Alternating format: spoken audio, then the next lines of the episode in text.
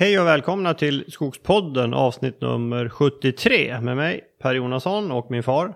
Bo Jonasson. Ja Bosse, då sitter vi i ett blåsigt eh, Bergslagen. I höststorm nummer två. Ja, vi hade ju, det har nog blåst alltså upp till 21 sekundmeter i byarna såg vi på SMH och det, det har ju skakat i huset i natt här. Ja, frågan är hur det står till med våra frötallar i skogen. Ja, usch ja. Mm. Ja, vi vill inte ha någon upprepning på förra årets. Jag vet inte, var det fem, sex, sju gånger vi var ute och högg vindfällen då? Ja, det var tungt. Ja, det var och tråkigt. Det tog aldrig slut kändes det som. Nej.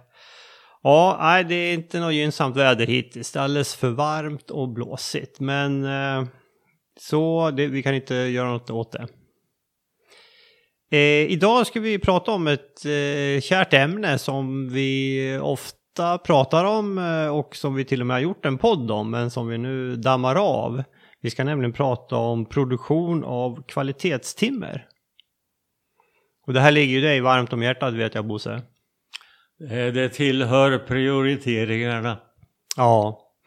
Och vi har ju pratat om det här tidigare som jag nämnde. I avsnitt fyra pratade vi om eh, kvalitetsproduktion och vi kommer ju tillbaka till det då och då. Men eh, ja, vi tyckte att det var dags att eh, ta upp det här igen eftersom eh, mycket av det vi gör syftar ju till att få fram kvalitetstimmer. Ja. Så det känns som att det här kan vi prata mycket om. Men innan vi hoppar in på det så ska vi eh, tacka vår eh, huvudsponsor, banken SEB. Banken SEB har under de senaste åren ökat sitt fokus mot de gröna näringarna som inkluderar skog och skogsnäringen. De anpassar och utvecklar kontinuerligt sina produkter och tjänster, vilket har medverkat till en mycket god utveckling med flera nya kunder. SEB hjälper till med finansiering av skogsfastigheter och hjälper även till med frågor kring skogsskötsel, skogsekonomi, generationsskiften och förmögenhetsförvaltning. SEB har anställt flera skogsspecialister runt om i landet som hjälper till med kundkontakterna och det går bra att vända sig direkt till bankens specialister och kontaktuppgifter till dem finns på bankens hemsida. seb.se skog och lantbruk i ett ord. SEB bjuder även in till seminarier med olika teman här under hösten, vintern och våren. Och eh, gå in på deras hemsida och eh, kika in på när nästa seminarium är. Och är man boende i Stockholmsområdet och har bankfrågor eller önskar inbjudan till något av de här digitala seminarierna eller har frågor kring skog så går det bra att ta direktkontakt med någon av SCBs två regionansvariga för skog och lantbruk. Kontakta gärna Mats Axelsson. Han finns i Stockholm city. Du når honom på 070 762 1060. Alternativt via mail mats.axelsson.scb.se Eller ta kontakt med Caroline Skarfors som ansvarar för Storstockholm. Hon finns på 070 797 4329. Alternativt via mail caroline.skarfors.seb.se e. Vi ska också tacka vår sponsor Husqvarna. December närmar sig och vår sponsor Husqvarna vill berätta för Skogspoddens lyssnare att från och med första december börjar årets julkampanj med allt från trädgårdsprodukter till skyddskläder. Det kommer också att finnas Husqvarna-leksaker som ser precis ut som riktiga produkter. Bland annat en leksak som ser ut som deras nyligen lanserade såg 550 XP Mark 2. Den kör vi med Bosse, den är riktigt skarp. Eh, alltså många erbjudanden som passar perfekt som julklappar för både små och stora. På skyddskläder kommer Husqvarna dessutom ha 15% rabatt på ganska många produkter. Vi använder ju deras skyddskläder. Vi kör med Technical Extreme. Och vi vet hur bra de är. De sitter fantastiskt bra och skyddsbyxorna Eh, det känns inte som skyddsbyxor utan det är ju som ett par vanliga arbetsbyxor att ha på sig när man är ute i skogen. Väldigt smidiga. Eh, stark re rekommendation på dem. Hur hittar man den här kampanjen då? Kanske ni undrar? Jo, gå in på Husqvarnas hemsida.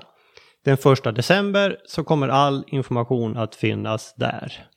Alla erbjudanden kommer att finnas tillgängliga även i Husqvarnas nya webbshop där du enkelt kan beställa hem produkterna eh, till dörren med fri frakt. Perfekt nu om man inte vill upp och trängas och hämta ut paket så kan man få dem hemlevererade också. Ja, det här är bara att slå till tycker jag. De har finfina produkter och vi använder ju Husqvarnas produkter varje gång vi är ute i skogen. Tack också till vår samarbetspartner Föreningen Skogen. Eh, nästa nummer av tidningen Skogen, det är nummer 11. Den kommer ut 27 november. Det vill säga ganska nära när, när det här avsnittet kommer ut. Och där är temat Virkesaffären. Och eh, vi kommer att vara med i ett litet reportage om hur vi jobbar med eh, kvalitetsvirke. Produktion av kvalitetstimmer. Men det kommer att finnas massor annat också i tidningen där som är värt att läsa. Ekaptering till exempel. Kapa rätt och tjäna pengar på det. Och det kommer att stå om eh, forskare som försöker öka furuvärdet. Så ska Tallinge ge bättre betalt. Och hur gör Växjö stift för att snitta 1000 kronor per hektar och år? Inkomst. Ja. Det här är intressant. Det där är en sån fråga som dyker upp ibland. Vad genererar skogen långsiktigt per hektar? Så det här ska bli intressant att läsa hur Växjö stift jobbar med det. Mm, det där tycker jag lät ex extra intressant Ja. faktiskt. Samma här. Bra, då tycker jag vi kastar oss in Bosse i produktion av kvalitetstimmer. Vad, ska vi börja med, hur, vad är kvalitet? Ska vi börja prata om det? Jaha, det är en bra början. Eh, krav nummer ett på ett träd är att det ska vara rakt. Det ska Ja. vara rakt. Eh, allra sämst det är en långböj i rotstockens hela längd. Mm. Det blir aldrig något bra timmer av det. Fullt med tjurved Mm. som är svårsågat och som slår sig. Eh, Så trädet ska vara rakt. Det är högsta prioritet på det. Och det är inte bara långböjar som vi måste undvika utan det är till exempel följden av gamla toppskador, ofta viltbete, Mm. Eh, men det kan vara andra orsaker också, snöbrott till exempel. Eh, men alltså en rak rotstock. Är rotstocken rak då är troligtvis andra stocken och kanske tredje stocken också raka. Mm. Mm. Eh, så, sen, och sen ska det vara friskt, det vill säga fritt från röta. Mm. Eh, och fritt från gamla barkskador. Eh, gnag av vilt till exempel. Mm. Eh, och sen är det ju fråga om det här med kvistar. Mm.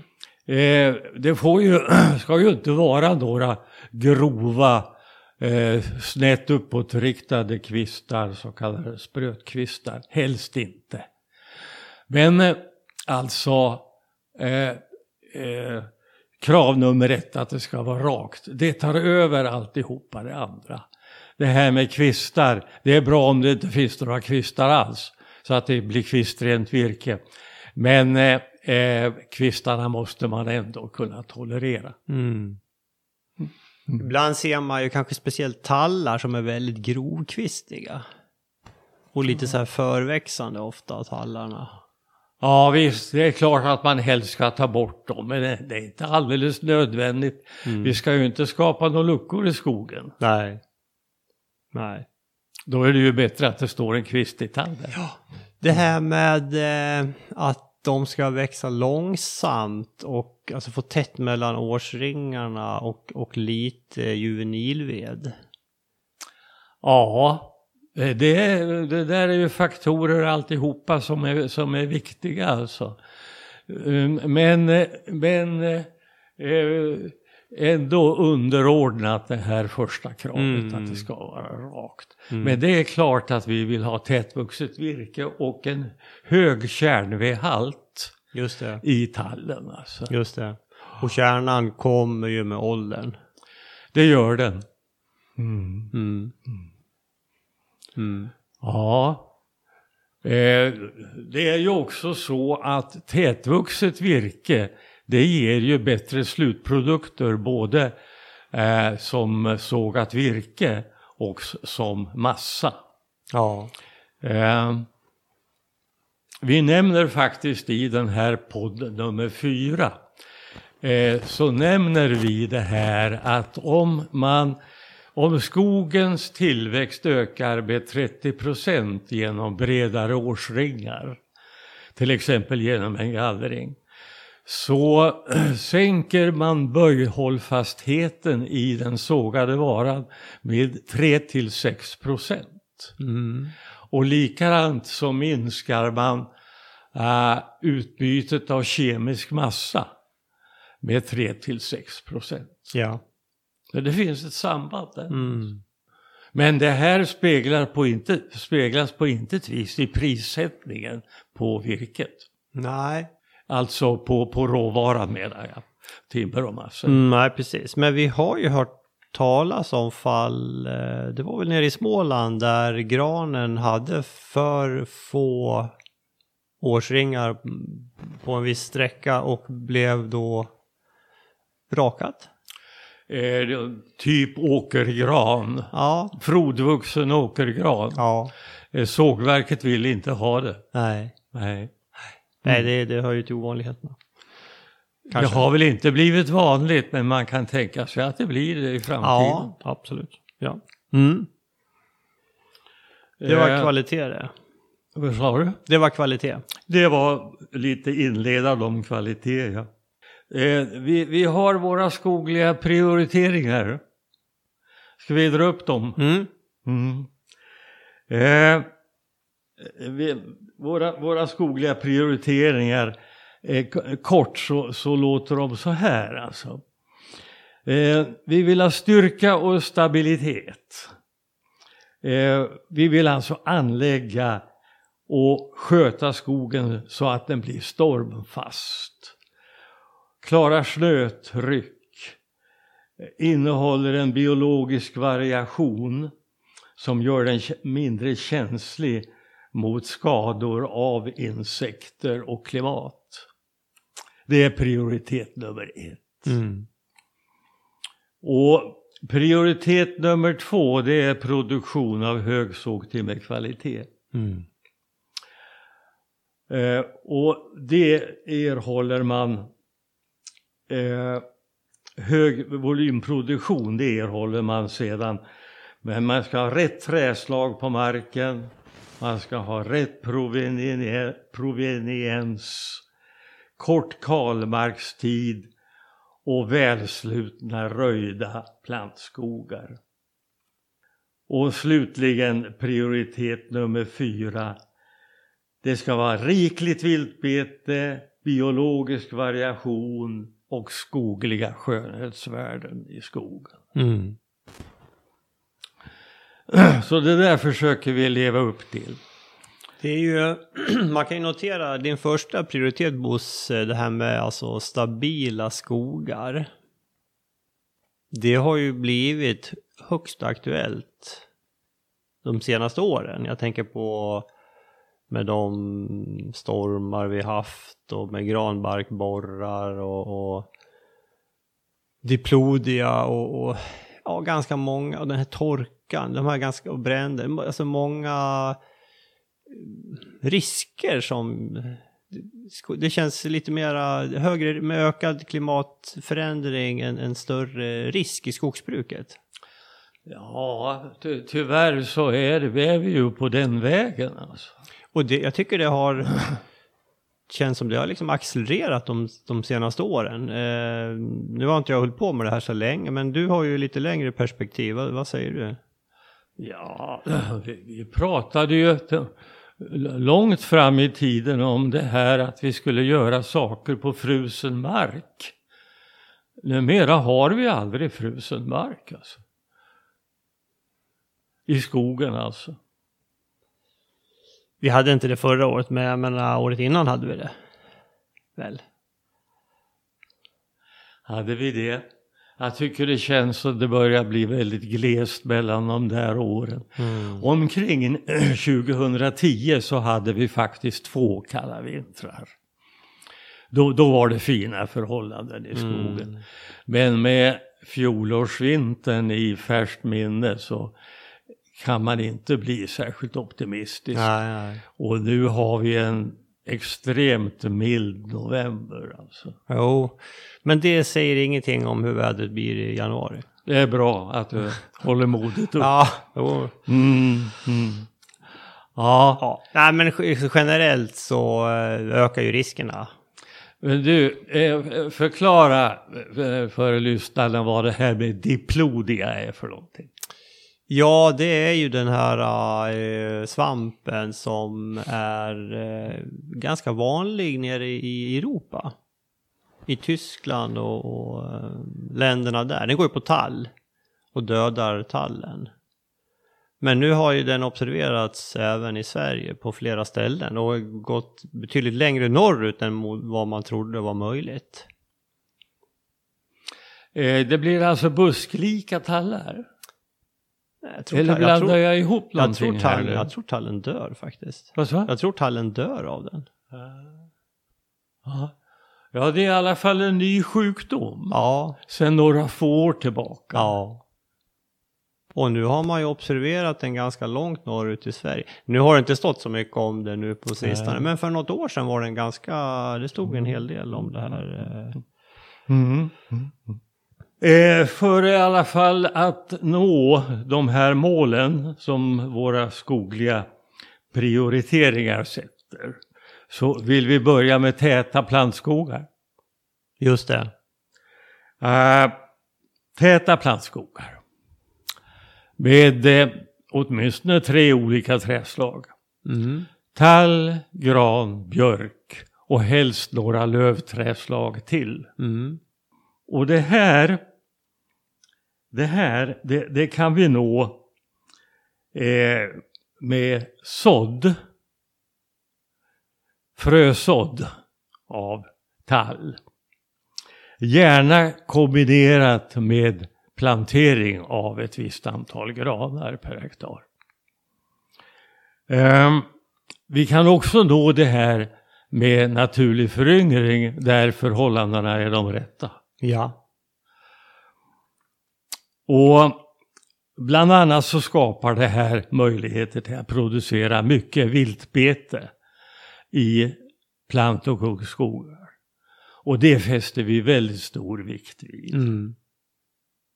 Vi lägger ner faktiskt väldigt mycket arbete på att just producera mycket viltfoder. Och vi tycker oss ha sett väldigt positiva resultat av det i form av minskade viltskador. Just det, och nu när du säger mycket viltfoder då menar du ju alltså att vi får upp mycket tallplanter men även att vi spar mycket löv. Mängder av löv och till exempel rönnen är ett heligt träslag. Mm. Får aldrig fällas. Nej, nej. Men även det här med att så tall eller ha naturlig föryngring, att vi försöker få upp 10 000 tallplanter per hektar. För då, då, då finns det bete för älgen också. Ja. Mm. Nej, det här är väldigt viktigt. Mm. Om det här gjordes, om de här tankarna fullföljdes inte bara av oss utan, utan av en hel bygd Mm. så tror jag det skulle kunna ändra bilden, bilden av det här med viltbete radikalt. Ja, så vi hamnar i balans. mellan eh, vilt och bete. Alltså i de tidiga röjningarna så röjs det normalt sett bort mängder av fint älgfoder. Ja. Och det säger vi älg, men vi ska ju lägga till kronhjorten också. Ja. Och eh, dovhjort. Ja. Mm, mm. Och rådjur. Och rådjuren ska vi inte glömma. Nej. Nej. Nej, så täta, täta ungskogar och de, det ska vara en blandning av framförallt gran och tall men även en del björk. Och det här gör röjningarna jobbigare för att det innebär ju att man måste komma tillbaka. Så man kan inte bara röja en gång. Nej. Nej, precis. Eh, nämnde du att vi brukar ställa frötallar? Nej, det har inte nämnts, men det brukar vi ju göra för att ytterligare öka på det här med viltbetet. Mm.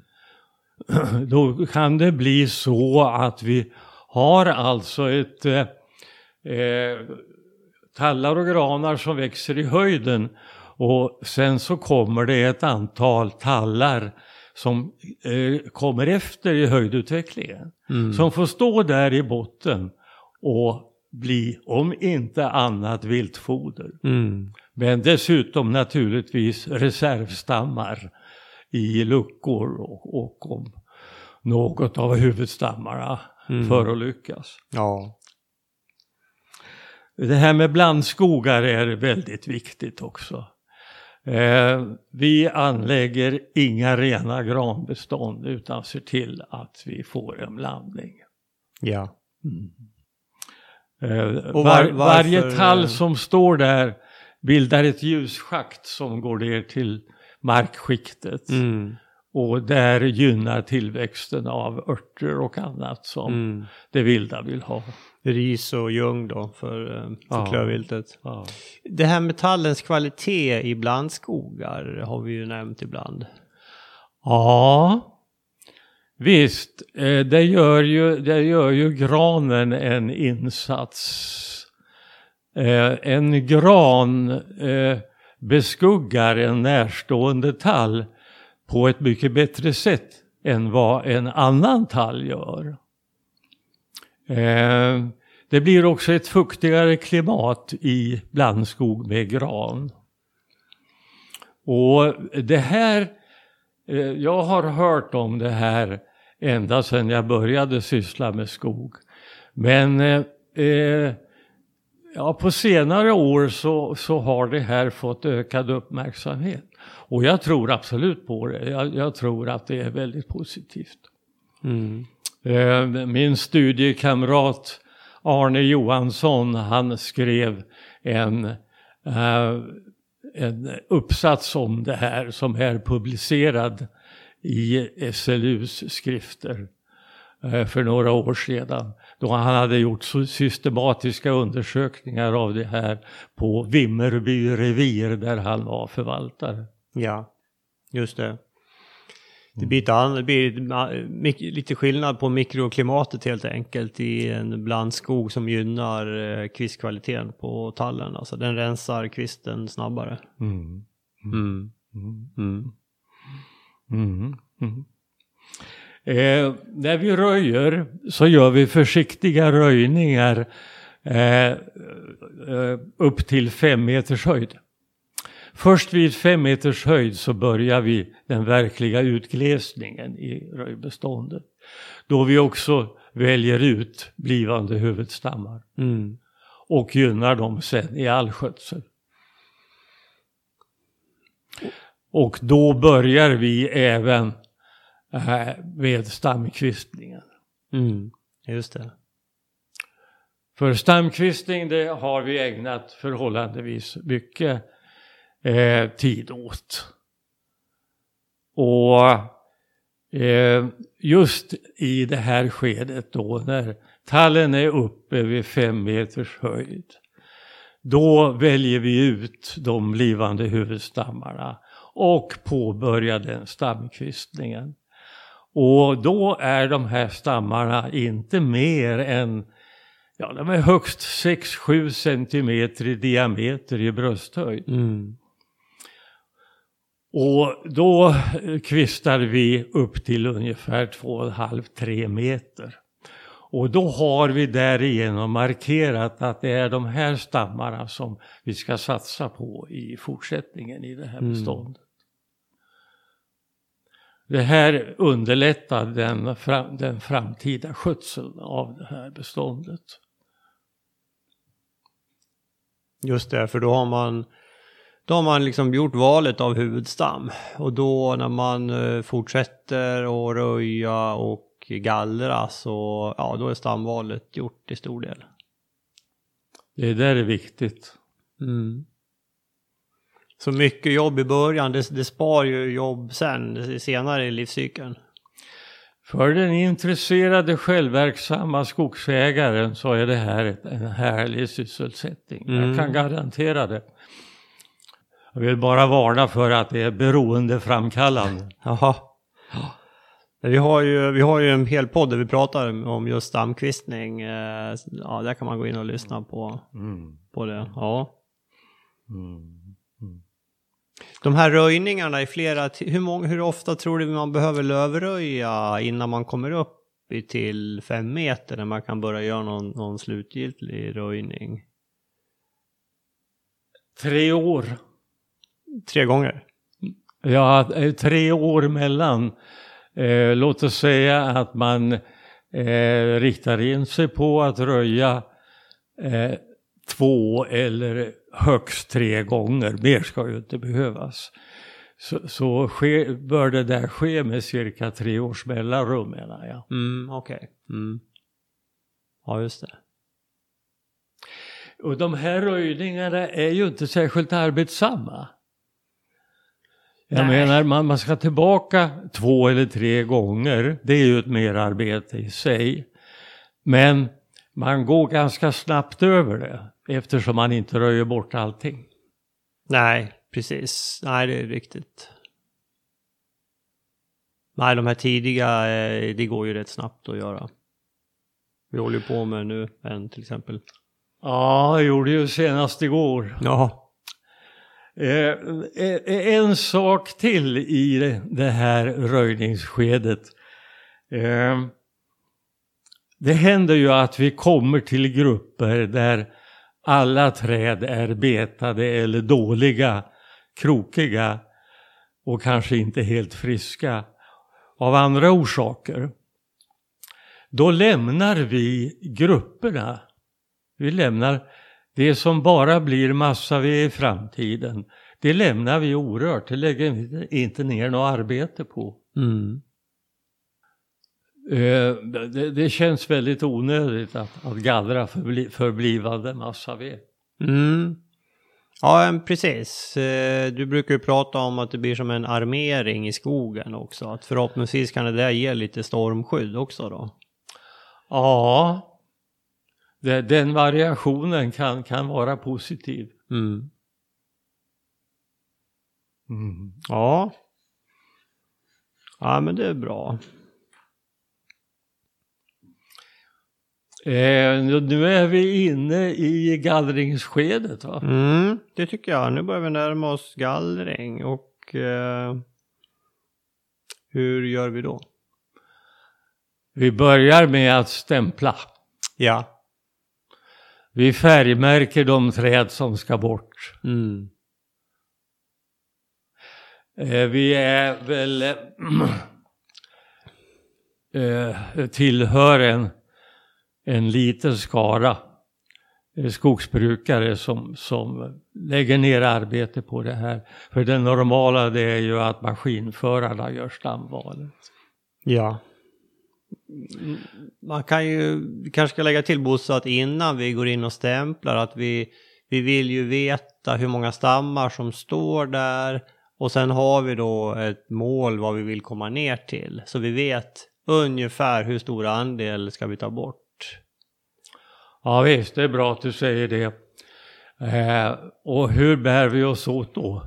Ja, vi börjar vi tar några provytor helt enkelt. Några cirkelytor. Ja. Och räknar stammarna helt enkelt. Ja.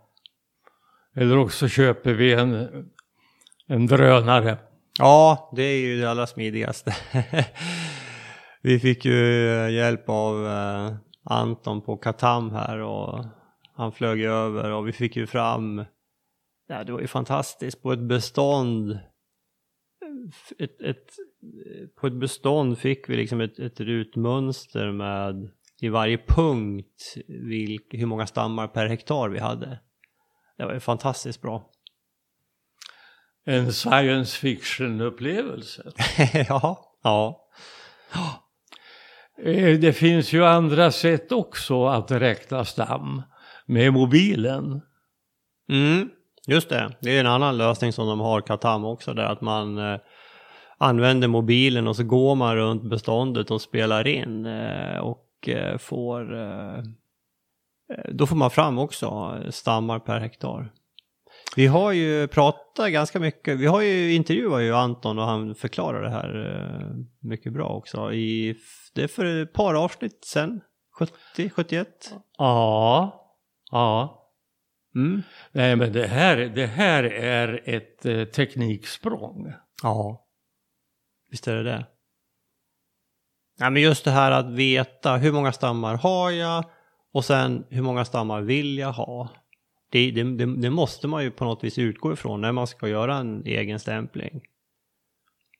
Ja, Ska jag ta bort ungefär 20 procent? Ja, okej, var femte träd liksom, i snitt ska jag ta bort. Så man har no någonting att förhålla sig till det, det pågår ju också en utveckling då skördaren gör en, en insats i det här och får fram eh, det kvarvarande beståndet, eh, antal stammar per hektar och annat. Jag har bara läst det här i någon, det var nog i tidningen Skogen kan det ha varit. Mm.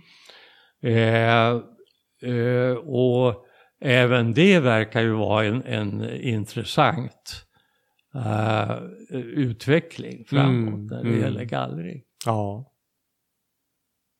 Ja, verkligen.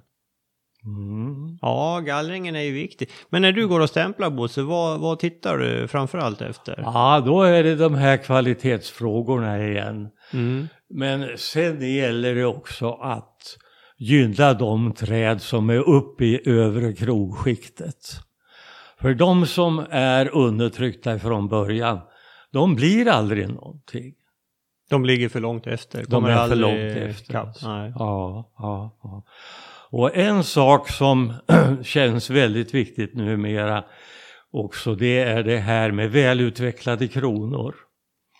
Det blir ju så alltså att mängden grönkrona bestämmer tillväxten. Så tillväxten den står i direkt proportion till hur stor grönmassa det finns på Mm. trädet. Och har det stått, stått trångt så eh, kommer det aldrig att kunna ta igen det som den har förlorat i tillväxt, höjd tillväxt. Nej. Just det. Mm. Och det, kanske, det, det är ju ett skäl till att man inte ska vänta för länge med gallringen heller. För då hinner grönkronan bli för liten. Absolut. Så den tappar i tillväxt. Då. Mm. Mm. Och sen pratade vi också om symmetriska kronor Just det. som är viktigt. Ja. Bland annat för att minska risken för snöbrott. Mm. Och det här... äh, är det värt att gå och stämpla själv? Det är ju ett merarbete. Nu tar det ju inte så superlång tid numera sen vi slutade dra vägar. Det gjorde vi förut, men eh, det, det gör vi ju inte längre. Men frågan är ju, är det värt arbetet? Vad, vad, vad, vad skulle du visa för... Eh, vad har du för argument för att, man, för att det är värt att göra det här, Bosse? Ja, det är alltså det här noggranna stamvalet. Eh, det, man- man går, eh, man kan gå runt trädet, man kan se det från alla håll. Och man kan böja nacken bakåt och se eh, upp emot kronan. eh, Om trädet är rakt i hela sin längd. Mm. Eh, Och alla skador upptäcker man ju. Mm. Definitivt. Så att det är klart att det blir ett bättre stamval. Ja. En engagerad, eh, i synnerhet om det görs av en engagerad ägare. Alltså. Mm. Eh, Det är, eh, ja jag tycker det är ett härligt jobb. Alltså. Mm. Det är ett skapande jobb. Ja, just det. Man påverkar ju den framtida skogen i, i väldigt mycket. Ja. Ja. Mm. Jag tänker också på det här examensjobbet som Kristina Alvskog gjorde eh, här. Där hon mätte, och det var ju i skogar som var gallrade. Hon gick och uppskattade hur stor andel av träden som uppfyllde eh, klass 1 eller bättre. Och så jämförde hon det med eh, en annan skog på någon grannmark en bit härifrån. Och siffrorna här var ju väldigt höga. Det var ju uppemot 80 procent som uppfyllde klass 1. Det är rotstocken klass 1 på, på tall. Just det, rotstocken. Ja. Eh, ja, det, Som hon räknade och det var alltså 80 procent. ja. Och på, på grann... eh, på, och- no- på några andra fastigheter, vad, vad låg det på där? Kommer du ihåg det? Ja, nivån 60. Ja. Mm. Och det var ändå välskött skog. Stamkvistad skog. Ja, ja. Nej, man når, man når en effekt alltså. Mm. Mm. Mm. Ja, men bra. Vad är nästa steg då? Ska jag ta ett litet steg bakåt? Mm. Det här att skapa blandskogar. Numera så Eh, blandar vi inte tall och granfrö när vi sår. Eh, det har vi gjort eh, många gånger tidigare. Men vi får bara bakslag på det. Granen utvecklas aldrig i den här blandningen. Den blir stående som förkrympta dvärgar bredvid tallar som skjuter i höjden. Och, jo- och det blir bara jobbig röjning som resultat. Att ta bort den där granen som står en centimeter ifrån en vacker tall, det, det tar tid. Mm. Mm. Så numera är sådd av tall och plantering av gran. Ja. Mm. Mm. Och lite frötallar. Ja. Mm. Bland, blandskog generellt, Bosse, är ju positivt ur så många synpunkter. Ja. Jag, jag tänker på det här med att minska riskerna generellt. Ja. Med, med eh, ja, i princip alla risker som, som vi ser så är ju blandskog ett bra val. Ja, det är det. Eh, Man har ju en, en påtaglig risk vid all gallring där det finns gran. Det är ju att man öppnar för eh, rottickan. Just Alltså rotröta. Ja.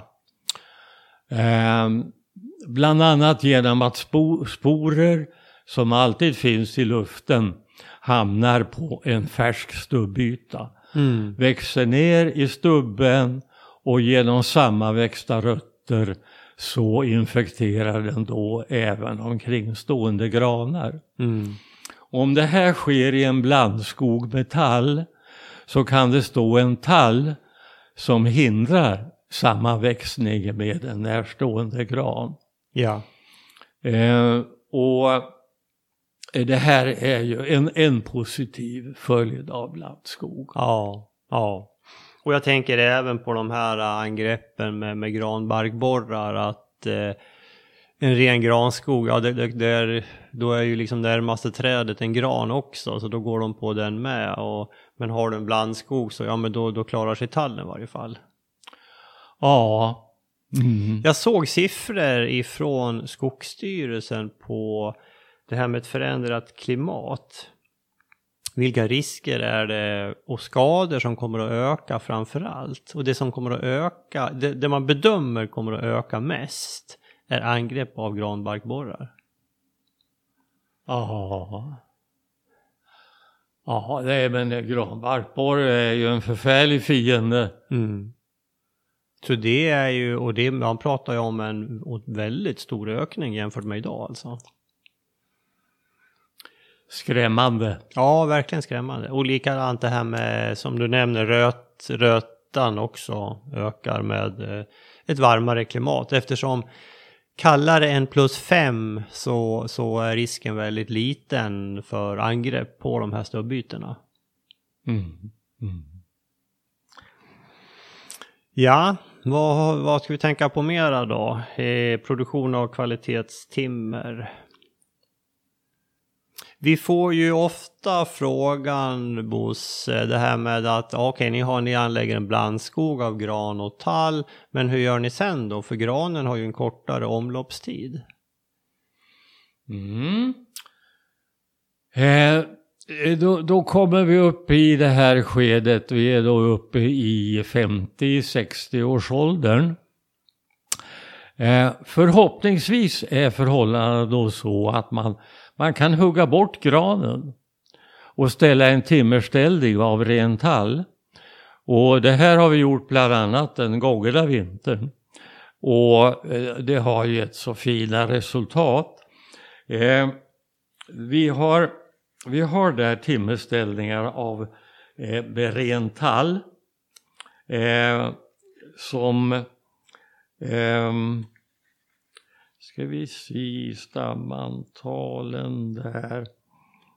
Uh, ja, det, det, är mellan 350 och 450 eh, tidigare stamkvistade tallar som nu står där eh, och är alltså mellan mellan 50 och 70 år gamla. Det är två närliggande bestånd här, där, där, därav den här åldersspridningen. Mm. Eh, och eh, det är väldigt få granar kvar, det är nästan inga faktiskt.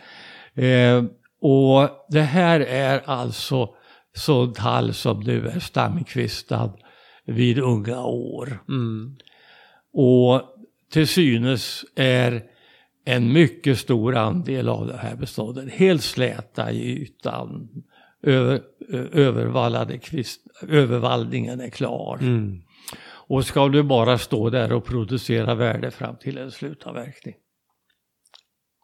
Ja. Det skulle ju redan kunna hända så att man väljer att göra den här slutavverkningen i ett par omgångar. Så att det blir som en typ av genomhuggning i den gamla skogen. Men det tänker vi inte så mycket på utan det där får framtiden utvisa vad som är rätt och vad som, vad som ska, ska göras. För de där ska ju ändå stå ganska många år nu innan vi börjar fundera på att ta ner dem. Det bör nog stå bort, bort, bortemot en 40 år. Mm. Så det är... Ja, vi, de, vi behöver inte ligga sömnlösa och fundera på vad vi ska göra där. Nej. Än. Nej. Tror du att det här blir... Eh, vi, tror du att vi kommer att göra det här på flera ställen? Alltså gallra bort granen och ha kvar en timmerställning av tall? Jag, jag hoppas att vi ska göra något sånt där nu i vinter också. Men det blir inte så stora ytor faktiskt. Nej. Eh, vi har inte så lämpliga bestånd till det helt Nej. enkelt. Men förhoppningsvis kan vi få i framtiden. Vi kan gott säga det att, att orsaken till att vi högg bort granen i de här bestånden det var det att vi hade angrepp av granbarkborre. Så granbarkborren den, den tidigare la den här åtgärden. Ja, just det. Mm. Mm. Eh, ska vi säga något om björkkvalitet? Ja, det tycker jag. Eh, vi vill ha vackra timmerbjörkar i skogen. Mm. Eh, inte på stora sammanhängande ytor. Men det som ligger allra närmast till hands det är faktiskt längs skogsvägarna. Där blir lite utrymme, väggatan ger ett litet utrymme. Och Eh, vi har faktiskt gjort en liten insats där på prov bara egentligen med att stamkvista eh, björkarna eh, längs en, en vägslinga. Och eh, det här, eh, det här känns, känns bra. De, de står där som lite grann prydnad i skogen. Mm.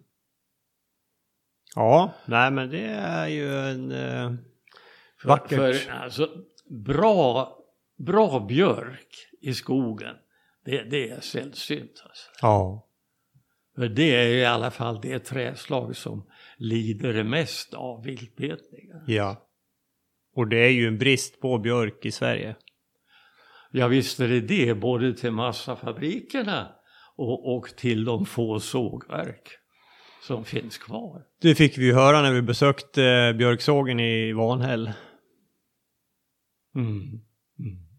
Så odla björktimmer, det är, nog, det är nog ingen dum idé.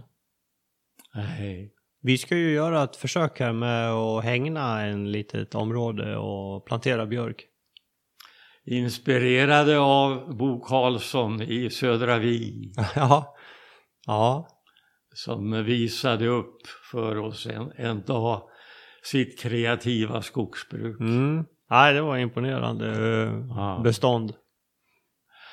Där han hade ett 22-årigt björkbestånd som hade producerat 10 kubikmeter per hektar och år under sina 22 år. Mm.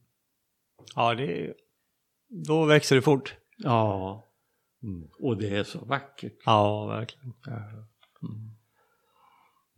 Ja, vad är nästa steg, Bosse? Ja, vi, vi har ju varit inne och snuddat på slutet på den här cykeln nu i och med att vi pratade om, Mm. om timmerställningarna. Just det. Mm. Mm. Det här med, vi har ju kanske mest pratat om tall som huvudträslag får vi väl ändå säga. Vi pratar lite om hur vi jobbar med kvaliteten i, i, i granskogar. Överhuvudtaget granskogsskötsel. Ja. Intressant ämne. Ja. Och, och, och vi har ju sagt här på, på, i en podd för någon tid sedan bara detta här med gallring en enda gång i gran. Mm. Inte upprepade gallringar. Utan en enda vid 30 års ålder. Mm. Eh, gallring ner till 1000 stammar per hektar. Och sen ingen vidare åtgärd. Nej. Eh, och sen ska man, jag har insett det också, att man ska inte driva sina teser för långt. Utan eh, eh, direkt vi hade börjat eller eh, pratat om det här i våran podd så träffade jag på eh, ett par objekt där det här inte var någon bra lösning alls. Nej. Eh, Och ett är lite överraskande, ett av de objekten är lite överraskande för att där blir det ingen gallring alls. Mm. Det är en plantering från, som är 40 år gammal, precis 40 år gammal. I en brant sluttning där eh, det i ett tidigare skede växte en blandning av gran och björk. Och där björken huggs ner för, ja det bör vara ungefär cirka 8-10 år sedan. Mm. Och där det röjda granbeståndet där eh, troligtvis kan stå till slutavverkning utan vidare åtgärd. Ja. Så där blir det ingen gallring alls. Nej. Nej, men det är väl eh, bra. Ja, man ska vara öppen för det. Att, att låta granen bara stå. Ja. Ja. Mm. Ja. Ja, men jag vet, det här har eh, Jonas nämnt också. Jonas Kling har också nämnt det här att vissa, vissa bestånd, ja men där kanske man bara ska göra en ordentlig röjning och, och låta det vara bra så. Jonas har ju också pratat om det här med söndergallrade granskogar. Mm. Mm. Just det. Mm. Så det här när vi, när vi säger våra skötselidéer och sådär, man, man, får- det är ju ändå, det är ju liksom tumregler. För man får, det är, all, allting är ju tumregler. Det, så, det finns ju inte ett sätt att sköta sin skog på och varje, varje skog är ju liksom unik. Varje bestånd är unikt. Ja. Ja. Ja, ja det är, men, men eh, det finns mycket att vinna på en bra planering. Mm. Mm. Att man tar tid på sig att verkligen titta på en tilltänkt gallring i ett granbestånd. Vad vinner jag med att gallra här? Mm.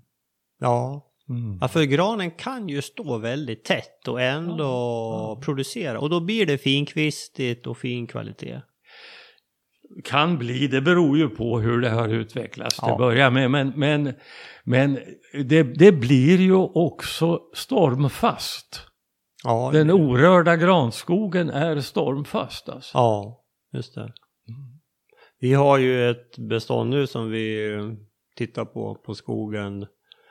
Där vi har runt tusen stam per hektar och där kvaliteten är väldigt hög. Ja. Och där det i stort sett inte har varit några, någon stormfällning under åren. Alltså. Nej. Jag kommer ihåg att det låg en grav vid ett tillfälle där. Mm. Mm. Mm. Mm. Ja, Mm. jag vet att du ville nämna någonting det här med viltbetes eh, utmaningen. Ja, i det här älgförvaltningsområdet så är det 10 till 11 älgar per tusen hektar i vinterstam som vanligt. Så det här är tätt. Och Äbin visar här att eh, den senaste Äbin som var 2019 så visar den att det är alltså 26 procent av tallarna som inte är skadade. Det vill säga 74 procent är älgbetade. Så att det påverkar kvaliteten negativt. Mm. Och det här är ju alltså inte, när vi säger då att de är betade, det är ju inte, då är det ju inte bara årets betning utan det är ju liksom ackumulerat att de någon gång har varit eh, skadade. Men det är alltså skada på toppen eller på barken. Mm. Ja, det är helt otroliga siffror. Ja. Mm. Det nej, det, det är skrämmande. När man vet också att det är ju liksom de här, den här timmerkvaliteten, det är det som ger inkomsten till skogsägaren. Det här blir inte annat än massaved alltså. Nej. Och då, eh, nej, då tjänar du ju liksom inga pengar. Massavedspriserna är ju extremt låga nu. Ja. Nej men eh, det, det här, den här kännedomen om den här situationen i skogen borde spridas. Det borde bli, alla borde ha klart för sig vad det är frågan om. Alltså. Mm. Men det, är, det visar sig ju att det här är ju väldigt, väldigt svårt att komma till rätta med. Men det är markägarna som, som måste ta tag i det här. Alltså. Mm. Mm. Mm. Ja, det där är ett svårt ämne. Vi har ju pratat ganska mycket om det här med betning och, älgförvaltning och ja, det är bara att konstatera att det, det är svårt. Mm. Men vi har en obalans mellan vilt och bete, det är helt klart. Ja. Så nå någonting behöver ju göras. Mm. Mm. Mm. Mm. Jaha. Eh, vad säger du Bosse? Börjar vi närma oss någon form av eh, kanske en, en, kanske en liten sammanfattning? Nej men eh, vi, vi tror ju på att eh, eh, skogsbrukets ekonomi det, det, det hänger på att vi kan producera bra timmer. Mm. Vi ska inte producera massaved annat än som en biprodukt. Nej. Eh, när vi nu slutavverkar i bra tall och granskog så blir ju den sågbara andelen av skörden, det blir någonstans i alla fall över 70 procent. Eh, I, I bästa fall så kan det ligga över 75 procent. Mm.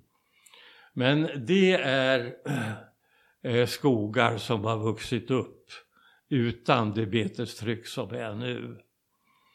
Och eh, jag, jag, tror inte att, de här, att man kommer att nå de här siffrorna i framtiden överallt. Mm. Det, det, vågar man inte räkna med. Alltså. Nej. Men man måste göra vad man kan. Ja. Och anlägga, att, att, att börja med att anlägga täta ungskogar med, något, med, med hjälp av sådd på ett eller annat sätt. Det är en bra början.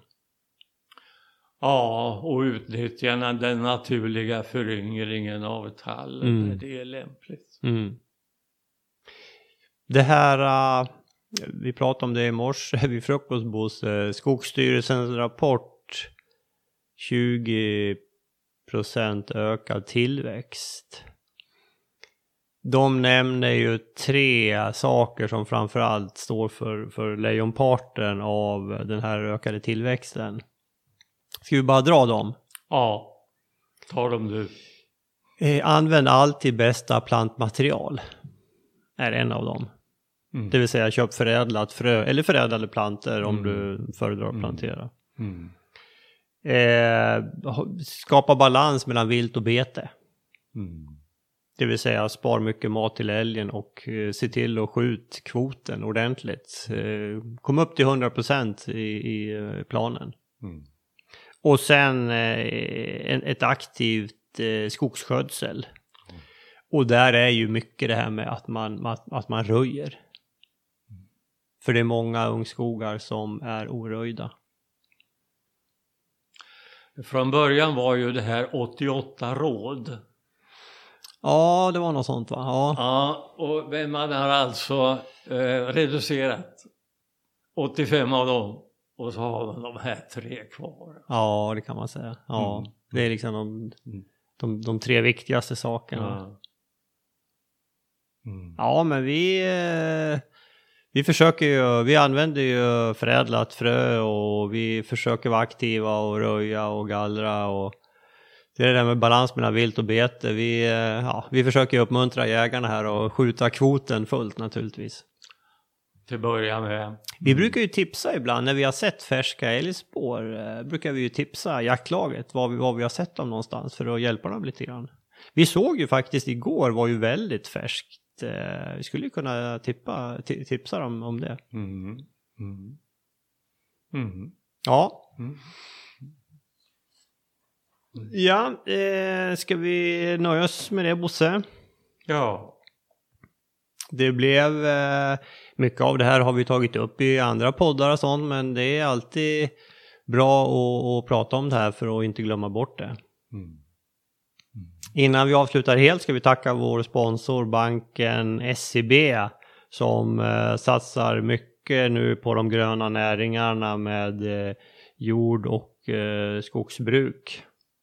De har eh, väldigt många skogsspecialister runt om i landet. Eh, går gärna bra, det, går, det går eh, bra att ta kontakt med dem direkt. Gå in på seb.se skog och lantbruk i ett ord så hittar du en kontaktperson där.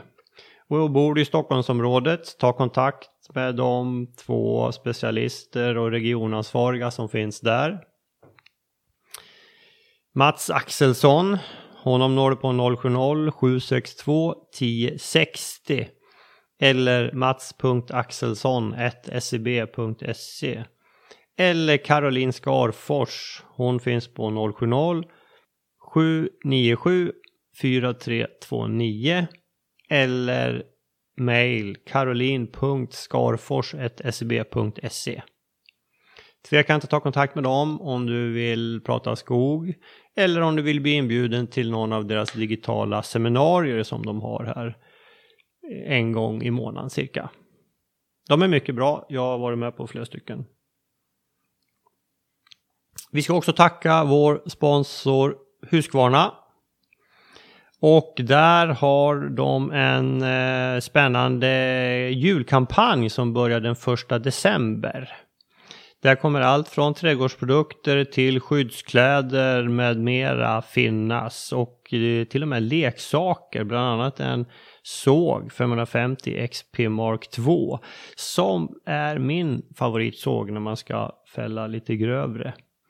De kommer även ha 15% rabatt på ganska många produkter och även på skyddskläder.